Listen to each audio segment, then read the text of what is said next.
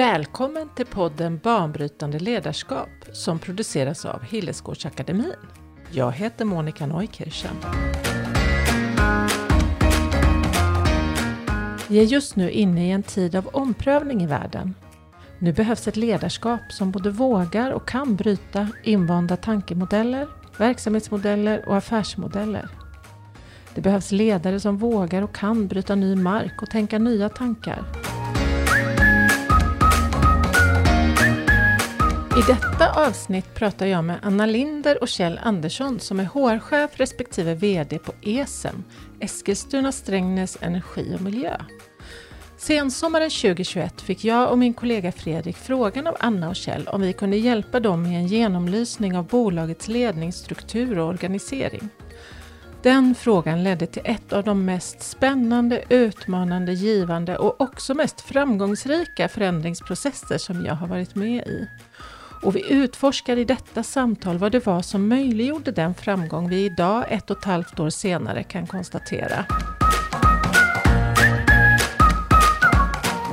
ESEM ägs av två kommuner, styrs av tre olika styrelser och har verksamhet inom energi, elnät, stadsnät, återvinning, vatten och avlopp. När vi startade genomlysningen mötte vi en ledningsfunktion där vissa roller hade en orimlig arbetsbelastning och där varje del i och för sig fungerade bra men där ingen hade fokus på det gemensamma. Det fanns mycket frustration men också en insikt om att bolaget rymde en betydligt större potential och vi såg en stark vilja och kraft till att förverkliga den potentialen.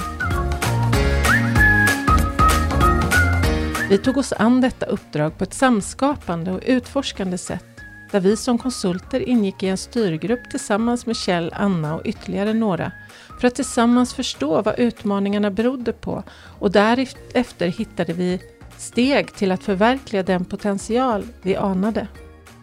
Visst fanns det de som förväntade sig en klassisk konsultrapport där vi skulle peka på en lösning som sen skulle genomföras. Men ett så linjärt sätt att ta sig an detta uppdrag skulle inte ha kunnat ge samma goda resultat givet den komplexa miljö ESM är. Istället identifierade vi var det skavde, utforskade vilka ledtrådar skavet gav oss och provade oss sedan fram tills en tillräckligt bra lösning hade växt fram. I vårt samtal pratar vi om ansvarstagande om att betrakta ESM som levande och om vikten av att medvetet jobba med att skapa den atmosfär som behövs för ett effektivt grupparbete i de fyra ledningsfora som skapades till följd av genomlysningen. Vi pratar om vikten av att ha själ och hjärta med sig på jobbet och om att öppenhet skapar tillit som i sin tur ger möjlighet till mer öppenhet. Så, allra först pratar jag och min kollega Fredrik Lidman lite om vår upplevelse av ESMs förändringsresa och därefter fortsätter samtalet med Anna och Kjell. Hej Fredrik! Hallå! Vi ska ju prata om ESM. Ja. Mm.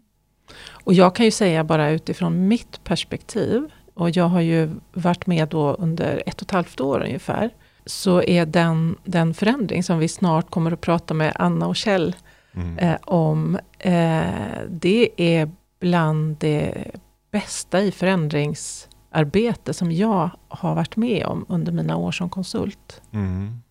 Då blir jag sugen på att fråga dig, vad är det som du... Det är, no, det är några saker och vi kommer ju som sagt snart släppa upp Anna och Kjell här, men jag är ju väldigt, det, jag, jag är väldigt imponerad av deras sätt att både ta sig an sin egen, ja, utmaningarna i sin egen organisation. Jag är imponerad av deras sätt att släppa in dig och mig. Ja. Va, vad tänker du? Jag tänker på när, när, du, när du börjar beskriva så tänker jag ett, ett ord som dyker upp direkt är ansvarstagande. Mm. Som är ju så lätt att säga men alltså att verkligen ta ansvar för någonting och visa omsorg för det man, man tar ansvar för det är ju någonting som utmärker både eh, Anna och Kjell. De gör det eh, så mycket så att det gör ont i deras kroppar när mm. de tar ansvar, för, i det här fallet för organisationen. Mm. Ja, nu, nu får du fråga dem själv om deras, nej alltså det, det är verkligen, när du och jag för första gången träffar dem tillsammans, då så kunde vi notera med bara att träffa dem hur mycket spänning det var i dem, hur mycket stress det var i dem och också hur mycket energi de har kring, som är oförlöst kring att liksom utveckla ESM som organisation. Så det var en stor frustration som bygger på också att man vill ta ansvar, man vill få till det. Så ansvarstagande tror jag är liksom en, en utav nycklarna för att det skulle kunna bli framgångsrikt.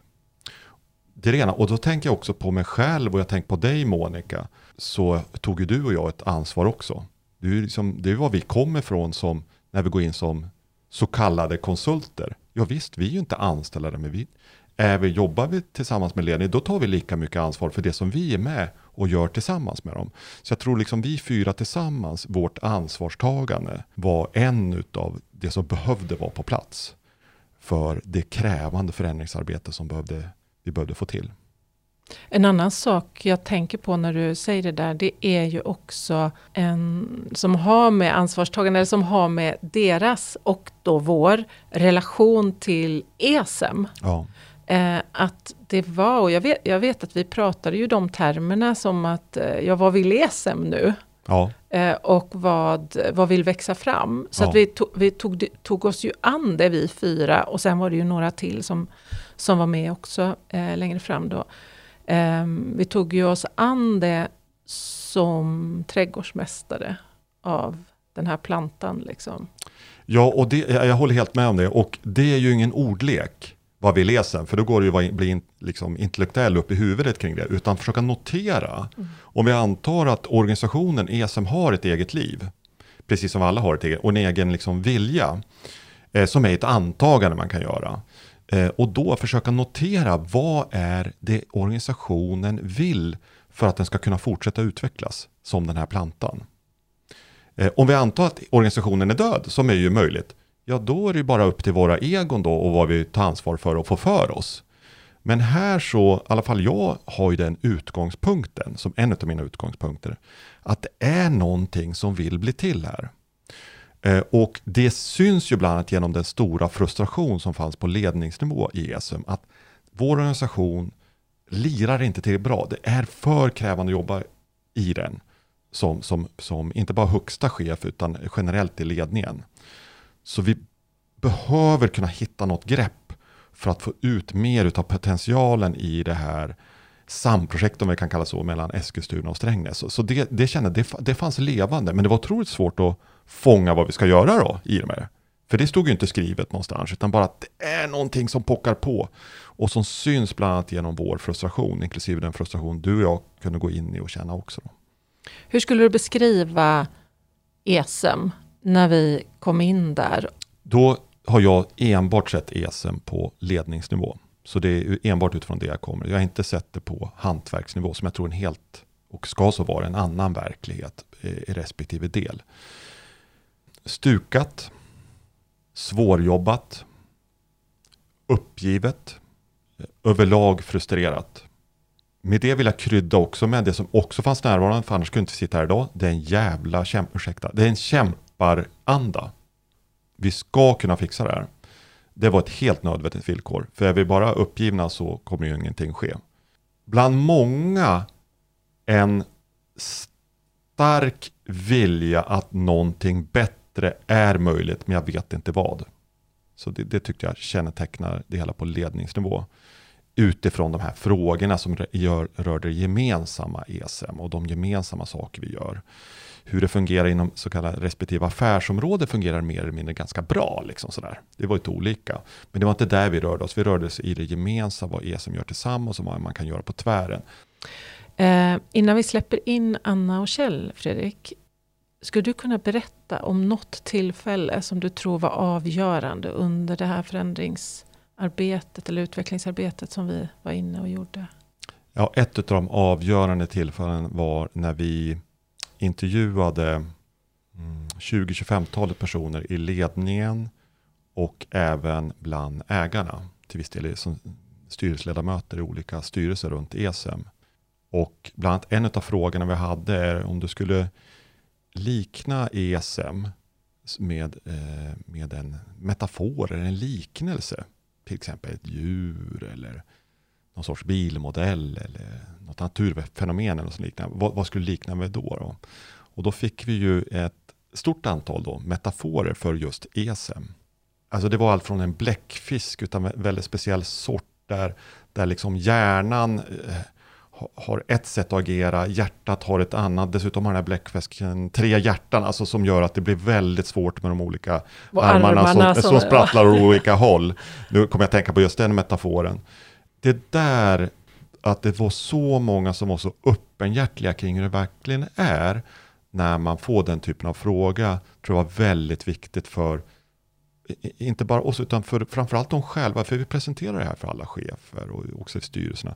För själva att se att nej men, vi, utifrån de metaforer vi väljer så ser vi att ESM skulle nog behöva utvecklas. Det blev så tydligt och att det var liknande metaforer med att det finns en god vilja men vi räcker inte riktigt till i vår nuvarande kostym. Så det var väldigt avgörande och där, där fanns det en stor välvilja till att ESM kan bli någonting ännu bättre på ledningsnivå. Så det var avgörande. Sen så gav ju inte det en lösning för hur vi skulle göra, men det, det var en del andra, eh, andra idéer vi fick upp efterhand. En annan sak som jag skulle vilja nämna som är otroligt viktig, det var att det grupparbetet som direkt formades mellan eh, Anna, Kjell, du Monica och jag, liksom det grupparbetet när vi tillsammans tog ansvaret för den här möjliga förändringen då. då och kunde vara helt öppenhjärtiga i det. Också med våra, vad vi inte förstår och, och, och vad vi är frustrerade kring och vad vi ser som möjligheter. Så, så väldigt osensurerat grupparbete där vi efterhand hittade vägen och visade stort förtroende för varandra i det här tuff, tuffa läget. Och tog in fler personer in i gruppen efterhand som visade sig vara väldigt viktigt. För när vi till exempel tog in två stycken utav affärsområdescheferna eh, i gruppen efter, efter en tre månader. Där satt, satt idéerna kring det egentligen det grepp vi behövde faktiskt ta som var kritiskt i, i organisationsförändring. Och det kom vi på efter en dags workshop tillsammans. Det sista vi gjorde. Så hittade vi energin kring det är det här steget vi behöver ta nu. Så det här att, att ha det förtroende för andra och och sätta av tillräckligt mycket tid och uppmärksamhet på ett väldigt öppenhjärtligt grupparbete och även kunna inkludera nya medlemmar som vi gjorde som kom in i den öppenhjärtligheten och den, om vi tar ett modeord nu, men det är faktiskt sant, sårbarheten vi visade. Eh, det var en nyckel till att vi kunde efterhand hitta vägen framåt som var ganska svår att upptäcka.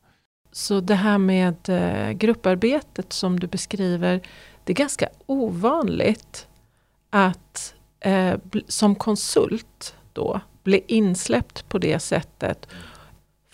För det var ju, vi kallade ju oss, du, du sa gruppen, att vi tog in två till i gruppen.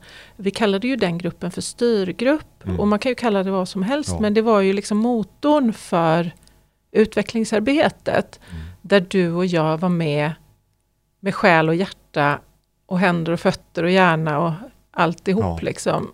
Det tror jag också var jätteviktigt för att vi skulle kunna bidra med allt vi hade Ja. faktiskt. Och den gruppen är, eh, så småningom var väl sex sju personer. Ja.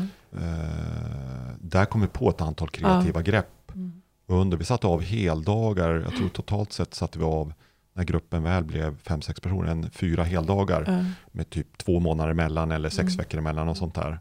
Och de var väl förberedda dagarna men vi också öppnade upp för faktorn X att vi kom på saker Mm. tillsammans under dagen. Och där kom vi på några av de grepp som, som lever kvar nu, liksom, som var väldigt viktiga. Eh, så att vi kunde tillsammans vara väldigt kreativa där. Bra, tack så länge Fredrik. Tackar! Och medan Fredrik lämnar studion så bjuder jag in Kjell Andersson och Anna Linder. Kjell är VD på ESM och Anna är HR-chef. Och ni båda har varit centrala personer i den här genomlysningen och förändringen som vi tillsammans genomfört i ledningsstrukturen av ESM. Hej Anna! Hej Monica! Hej Kjell! Hej! Hur var det att lyssna på mig och Fredrik som pratade om den här tiden vi har gått igenom tillsammans? Det väckte ju upp eh, rätt mycket minnen. I det vi har gått i, igenom. Och ja, det, var, det var riktigt spännande och roligt att, att lyssna på er syn mm. på det, som, det vi har gjort. Inte, man blir ju rätt eh, ödmjuk inför vad vi hade för uppgift, mm. tänker jag. Mm. Och sättet vi mm. faktiskt grep tag i den, i den uppgiften vi stod inför. Kan inte du försöka på ett kortfattat sätt bara beskriva uppgiften vi stod inför? Jag brukar säga att ESM är ju ett relativt nytt bolag, men med en gammal själ. Vi är ju sprunget av två starka driftbolag. Eh, energibolaget i Strängnäs och energibolaget i Eskilstuna. Och sen eh, 2013 har vi varit en egen organisation, eh, ESM. Och att bilda en ny organisation och identitet med så mycket människor, det tar ju kraft och mm. tid i anspråk. Och det är mycket som ska på plats innan man kan säga att nu mm. har vi mm. kommit dit man vill.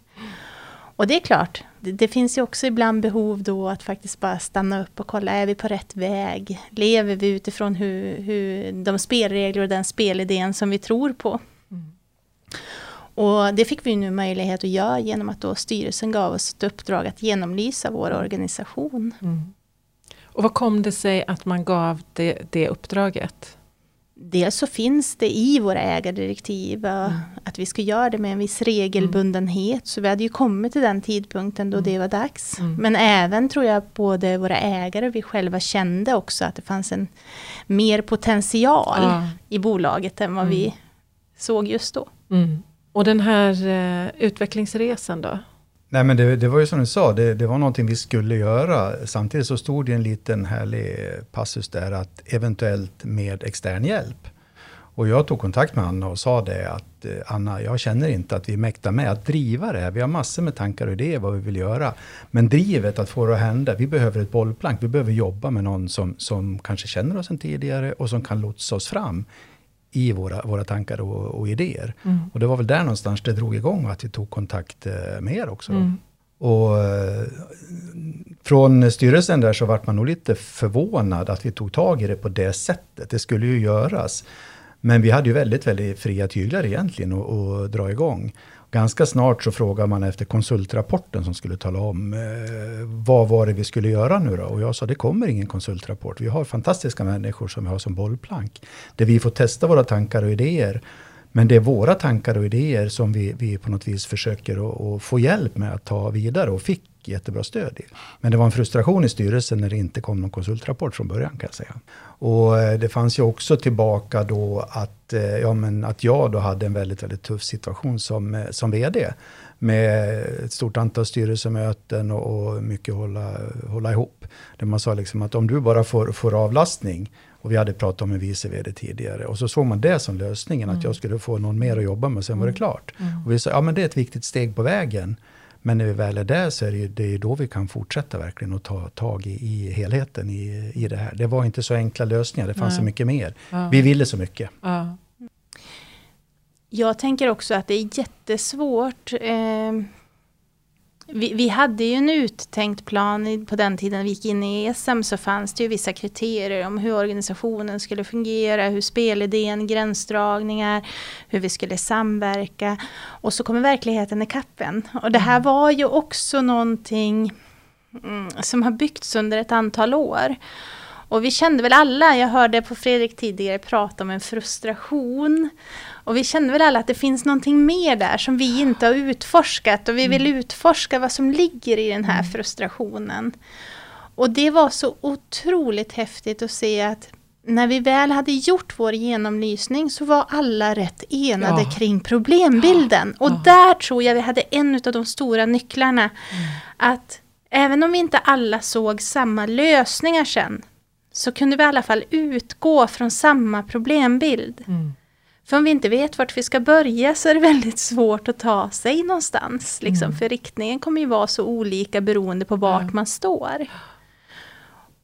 Och ett av de starkaste minnena jag har, det är när jag drar en del av de slutsatser vi har kommit fram med i bara genomlysningen. Vi hade inte presenterat några lösningar eller förslag på lösningar. Det är just det att det fanns en sån igenkänning. Mm. Mm i organisationen eller hos dem jag pratar med kring att ja, så här är det hos oss. Mm. Och det fanns mycket gott. Eh, fanns mycket gott, så man pratade ju också om vad vill vi behålla av det här som finns idag och vad är det vi faktiskt vill åtgärda.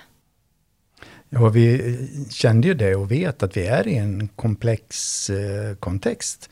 Eh, med flera ägare och, och, allt det här. Men jag upplevde där också att vi, vi satt lite på, på läktaren och var frustrerade. Men vi gav oss inte in i det vi kunde påverka. Så det var ju också något viktigt i det här. Hur hittar vi rätt i det? Hur sätter vi organisationen så att vi faktiskt kan kliva in, bygga relationer, vara med och påverka och driva det här framåt. Vi behöver rigga den organisationen. Så det var en målbild som ganska snabbt fanns där, tycker jag. När vi inledde, Fredrik och jag, så var ju vi ganska eh, eniga om att det, det utvecklingsarbete som vi fick vara med er och genomföra eh, var väldigt lyckat. Håller ni med om det? Nej men absolut, och jag har fört fram det här många gånger relaterat till just den här förväntan som fanns ifrån politiken, att vi ville någonting annat. Och just visa på vad, vad det var vi ville och att vi, eh, vi nådde dit. Samtidigt är det så otroligt viktigt där också att vi är inte färdiga nu heller.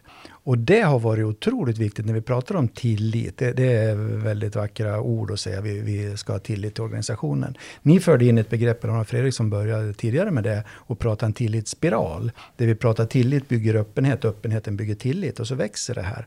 Och nästa steg i det, och vi har pratat om det tidigare, det är ansvarstagandet som växer fram. Och när jag såg det, frustrationen först, men hur tänker ni här? Nej, vi har inte tänkt färdigt. Vi lämnar det här. Det, det finns möjlighet att vara med och påverka. Och när man känner att det drivet växer fram, att det finns en sån stark vilja att vara med och påverka, kliva fram och ta ansvar. Jag får ta ansvar, man, jag har förväntningar på mig. Det tyckte jag var riktigt, riktigt häftigt på, på vägen. Då. Just det. Innehållet i förändringen, vad var det vad var utkomsten? Vad var det vi ändrade på? Jag skulle säga så här, visst att vi har skruvat på organisatorisk setup och liknande. Men vi har också ändrat hela vår ledningsmodell. Vi fortsätter utforska. Vad är bästa sättet att göra saker? Men vi har fler ledningsfora för att kunna hantera mängden av komplexa ärenden som vi faktiskt har. Så vi har ett fora som hanterar mycket ägar, styrelsefrågor, ett affärsfora som hanterar mycket produktion, affär och ett eh, liksom, eh, fora som hanterar strategi och, och, och, och stöd till organisationen ungefär. Och ett gemensamt forum där vi alltid diskuterar vad, vad, är viktigt för oss som helhet, som organisation och hur stöttar vi varandra. Det här gör ju att vi har fördelat ansvar på så många fler axlar. Eh, men också att vi får tillgång till så mycket mer klokskap genom att ha mer forum där in, liksom, med olika ledningsforum, med olika forum och med olika frågor i de olika forumen. Mm. Så det tycker jag är en jättestor förändring, att gå från en traditionell hierarkisk struktur där det finns en topp och så liksom en ledning och så. Mm. Och just att det finns ju både det gemensamma men samtidigt avgränsningar i de här mm. olika forumen tycker jag också är så, så häftigt. Alla behöver inte vara involverade i allt och ta alla beslut, vilket vi led lite av tycker jag tidigare. Utan här vet vi vad vi gör, men vi har samtidigt fokus på det gemensamma, där vi verkligen ska samverka, det gör vi det. Mm. Sen var det ju också så att vi, vi, vi hade ju massa hypoteser då utifrån de, de genomlysningar vi hade. Skulle det här kunna fungera? Men sen så involverade vi ännu fler människor just i själva lösningarna. Mm. Utifrån de här hypoteserna så fick man själv ut verksamheten ansvara. Mm. Skulle det här fungera? Mm. Utifrån vissa former av ramar. Mm. Vad är bästa sättet att göra det här mm. på? Så det var ju också självgående arbetsströmmar mm. där inte styrgruppen själv var med och hittade lösningarna. Så att det är ju också en förändring som bygger på så många människors klokskap, mm. tänker jag. Mm. Även om vi inte naturligtvis är färdiga på något mm. sätt. Ja, att det, där ser människor som kliver fram utan att ha en aning om var kommer jag hamna någonstans. Men det där är jag intresserad av. Den där arbetsströmmen vill jag ta tag i och göra någonting utav. Och gör det utan att veta vad är min roll när vi är färdiga. Det fanns en så tillit, imponerande. Ja, så ja. imponerande tillit i, även i, i det. Och sen handlar det ju väldigt mycket om att bygga laget. Och vi kände i efterhand att ja, men vi har spelidén var en sak, men nu börjar vi få de här eh, spelarna också som förstår rollen och vad de ska, ska bidra med. Och där var det ju jätteavgörande med, för mig och Stefan, att vi verkligen visade att vi, vi lirade ihop också. Då. Och Stefan, Stefan som klev vice då VD. upp Ja, eh, som typ som vice vice VD. VD. Ja. Ja. Och vi är jätteolika som personer, men det är ju bara positivt som jag ser det, för det skapar den här dynamiken och vi visade att vi, vi vill åt samma håll, men med helt olika fokus ändå i, i, i vardagen. Och det märker vi inte minst, tycker jag, genom att höra. Vi får så mycket feedback från eh, delar av organisationen där man faktiskt säger att ni är så samspelta. Och man säger inte samma sak och man märker att det finns dynamik och att vi tycker olika saker men vi har samma riktning. Och en sån här banbrytande förändring för mig det är när vi första gången träffade samtliga som ingår i bolagsforum, det vill säga hela ledningen för bolaget. Då. Och det är ju en rätt stor konstellation. ja, vad är det? Typ 18? Ja, något sånt. Något sånt, ja. ja. Och det här var i maj 2022. Du och Fredrik var ju med Monica. I Eh, ett alldeles för litet rum. men, men, men känslan i atmosfären där inne var någonting helt annat än den känsla man tidigare haft. Och den här tryggheten vi fick om att nej, vi är på rätt väg. Långt ifrån i mål. Men gud vad jag vill fortsätta gå i den här riktningen. Och någon sorts bild av att en efter en kastade masken på något vis. Jag vågar, jag törs, jag törs kliva fram eh, och bjuda på mig själv i det här sammanhanget. Det var, det var en häftig upplevelse den där dagen. Vad var det som gjorde att det blev så? Att folk vågade kasta masken. Där tror jag också att det är jätteviktigt att ha ett bra facilitatorstöd. För vi, vi har ju lagt väldigt mycket kraft på just de, de samlingar vi har haft. Att hur skapar vi en atmosfär där vi vågar öppna upp och ta ansvar för det som händer i rummet. Och där har vi haft ett gott samarbete med både dig och Fredrik utifrån både hur vi startar upp våra möten och hur, hur, vart vill vi komma? Så vi har en tanke med det. Och det tror jag också skapade en trygghet hos oss som grupp. Och har du väl börjat prata, har du kommit dit från början, då är det svårt att backa tillbaka. då har vi liksom öppnat den här dörren lite på glänt. Som kanske människor känt att, åh vad skönt, nu har jag lättat mitt hjärta, jag vill fortsätta göra det. Och där vågade vi också satsa genom att under hösten hålla kvar för att verkligen sätta den, den kultur och inriktning som vi ville ha i bolagsforum. Så vi jobbar ju med totalspelare och Ja. hur kan jag kliva fram Ja. som helhetsspelare i ESM och Ja. Kolla på saker utifrån olika perspektiv Ja. och sådana här saker. Och, och man lär sig så otroligt mycket om man eh, vågar jobba i det tvärfunktionella Ja. och se saker utifrån en Ja. annan människas perspektiv som är Ja. helt annorlunda än sitt Ja. eget. Lite vid sidan om det tycker jag är också modet när vi skulle ha vår sommarkonferens. Vi hade ju inte träffats allihopa på, eh, under hela pandemin. Men nu var det dags igen och så sa vi, hur, hur gör vi det här? Och vi var ju inne i det här, så då sa vi det att nej men det är inte siffror, det är inte hur det går, det är inte resultat, utan nu berättar vi vilka vi är. Och vi som stod på scenen, det var verkligen det det handlade om. Inte vad jag gör, utan vem, vem är jag? Och vi bjöd på oss på ett sätt som jag tror spred sig även där ut i organisationen. Man kände att det, en, det har hänt någonting. Mm.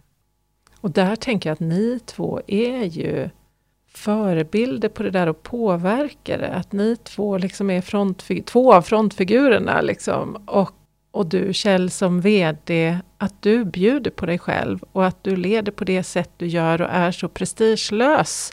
Det påverkar ju. Ja, men samtidigt är ju det, det är så enkelt, för det är jag. Det är Mm. sån jag, jag är. Kanske inte den traditionella vd-typen, men i det här läget så tror jag att det är jättebra för organisationen. Att det Ja. är det som behövs Ja. helt enkelt Ja. för att, att man ska våga, våga haka på. Att visa den öppenheten.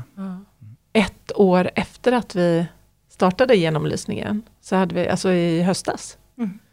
Och då var det någon som var ganska ny i den gruppen. Och så var det någon som sa så här, ja, tänk om vi hade vetat det här för ett drygt år sedan, att vi skulle ha det så här i vår chefsgrupp. Och den nya personen sa ungefär, ah, har ni inte alltid haft det? och så börjar man titta tillbaka bara ett år tillbaka i tiden och reflektera över den enorma skillnad som hade, mm. som hade då åstadkommits i gruppdynamiken. Och det är svårt att säga exakt vad det är som gör den skillnaden. Men, men jag ställde ju den frågan då. Och det är ju lite det ni är inne på, att ja, men, öppenhet föder tillit, föder öppenhet.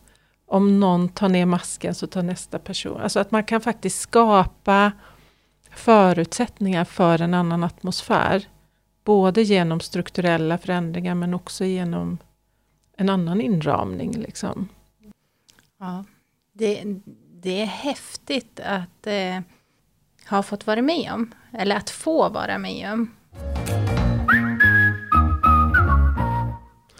Men det här med ert, Fredrik använde ordet ansvarstagande, alltså ert engagemang i och för ESEM. Var kommer det ifrån? För det är, det är så starkt och speciellt. Liksom. Ja, men jag tror det är det jag var inne på tidigare, att ja, men det är sån jag är. Det jag går mm. in i, mm. då gör jag det eh, rejält. Jag vet att när, när det var aktuellt att kliva in i, i vd-rollen så var jag ytterst tveksam till vill jag verkligen det här? Men när jag kände i organisationen att det fanns det här drivet, mm. ja men det kan jag vara med och, och påverka med mitt engagemang. Mm. Så avgjorde ju det för mig att, mm. att uh, kliva in i den, i den rollen. Mm. Och jag tror att uh, Anna är av samma skrot och korn. Mm. När du gör någonting så då, uh, då är det all in. Ja, för mig har det alltid varit viktigt att ha själ och hjärta med mm. sig i det man gör och känna det engagemanget. Mm. Eh, och jag har ju varit i ESM nu sen ESM började och åkt i ett av bolagen före det. Och ofta, det, jag går med glädje till jobbet på morgonen. Eh, och ofta reflekterar över hur det kommer sig. Men vi har så otroligt mycket att vara så stolt över. Den hantverksskickligheten som finns. Det viktiga samhällsuppdrag vi har. Eh, hur vi bidrar till att göra Eskilstuna och Strängnäs bättre. Och det är någonting som man, det värmer mm. när man tänker på vad vi gör för Eskilstuna och Strängnäs, mm. men även vad vi får tillbaka. Mm.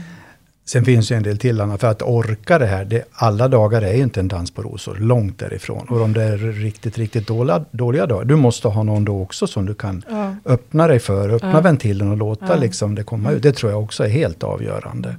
Och det, ja, du och jag har det, Anna, men vi har det med fler, där vi kan agera på det, på det sättet.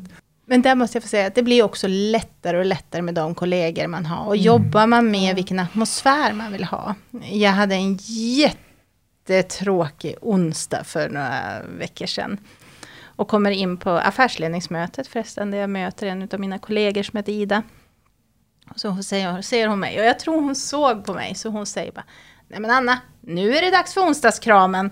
Och så får man världens varmaste kram, helt utan anledning.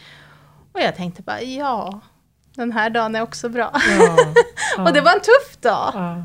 Och då få det. Men de där små sakerna, att verkligen se varandra i vardagen. Mm. Det gör skillnad, mm. större än man tror. Jag är så stolt över att vi vågade gå in i den här förändringen där vi visste att vi hade vi var överens om den här problembilden, hur det såg ut. Men vi kom inte med alla svaren, alla lösningar, utan lät organisationen vara med och ta fram lösningarna för att hitta, hitta rätt väg fram. Det är jag otroligt stolt över. Och det var också en, en del av det som är det absolut svåraste. Mm. Jag ställer samma fråga till dig då, Kjell. Ja, men att, att eh, se att man har kunnat påverka omgivningen till det. Vi var inne på det, att ramla kull och upp igen. Och mm. att vi verkligen har, har gjort det på det sättet och själv haft den orken att ta nya tag och hitta ny energi med hjälp av omgivningen. Det har varit en häftig resa. Eh, rejält tuffa utmaningar och ändå liksom kämpa på med att vi har byggt det här laget. Det känns fantastiskt roligt. Mm. Är det något tillfälle som du minns särskilt? Nej, men jag vet ju när vi, när vi tyckte, det har ju varit eh, en rädsla ifrån våra ägare. Vad är det de håller på med? Det vart så mycket mer än vad vi kanske trodde att de, de skulle göra. Och när vi då sitter i ett eh, möte med facken och vi faktiskt förhandlar och tar ett beslut. Och telefonen ringer under det mötet. När man, oh, ni har för bråttom, ni måste backa tillbaka. Det var eh, några minuter av, av eh, snudd på panik. Mm. Vad gör vi nu? Men även där så, så eh, vi tog oss igenom det också. Mm. Fick ju lov att backa ett steg men sen eh, två steg framåt ganska snart mm. igen. Mm. Ja, det var rejält utmanande. Mm. Ja, men jag tänker att, att det är ju tillfällen då vi ser att det vi vill och de lösningar som tas fram kanske inte alla vill gå samma väg. Och då att behöva både fatta de besluten men också ta de dialogerna som krävs för att faktiskt vara ense om att det kanske är bäst att vi, våra vägar faktiskt kanske skiljs åt. Mm. Det är ju mm. alltid svåra samtal. Och där skiljer det ju stort, vem är rädd och vem ser möjligheter mm. i, när man kommer i sådana mm. såna lägen.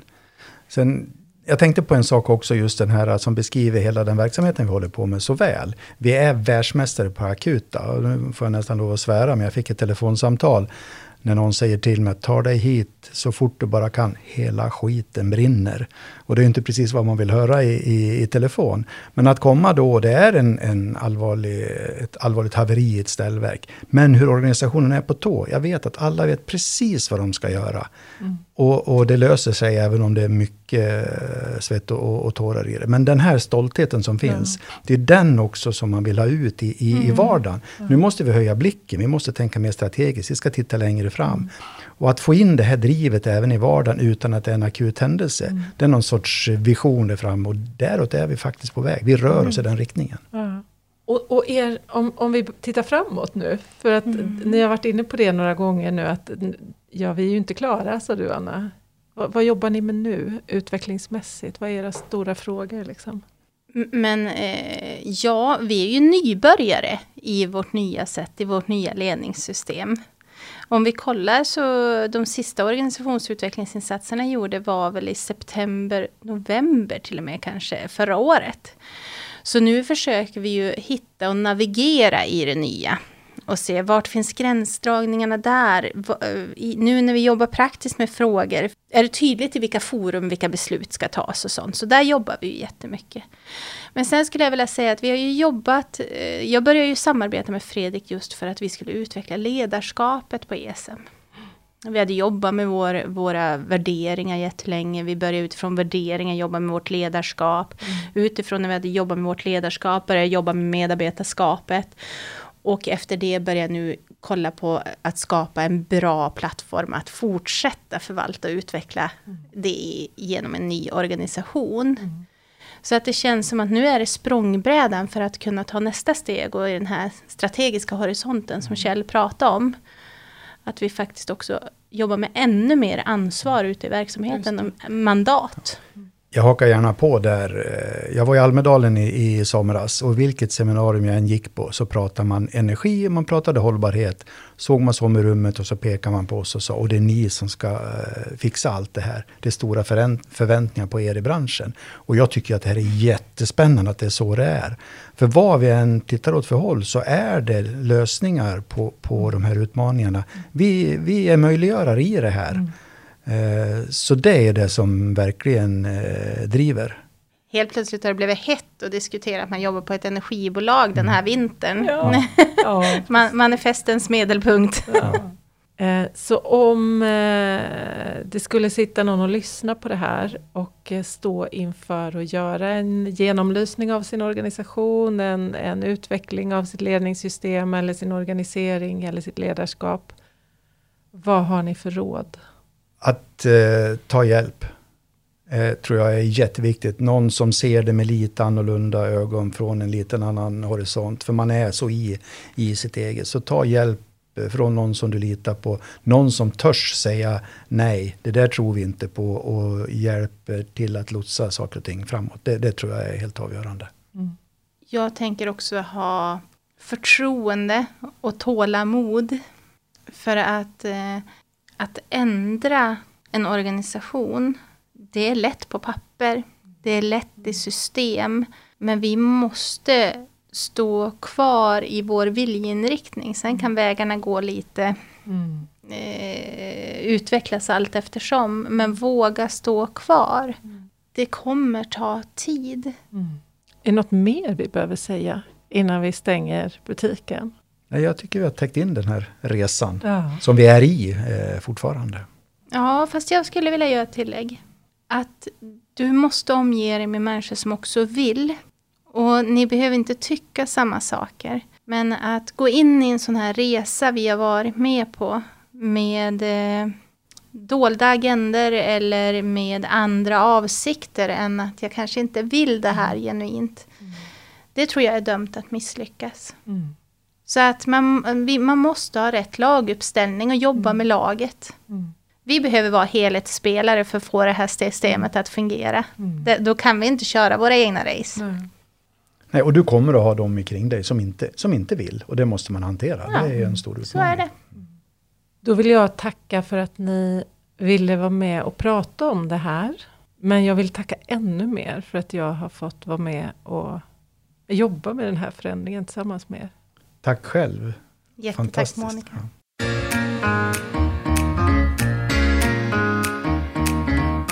Banbrytande ledarskap produceras av Hillesgårdsakademin.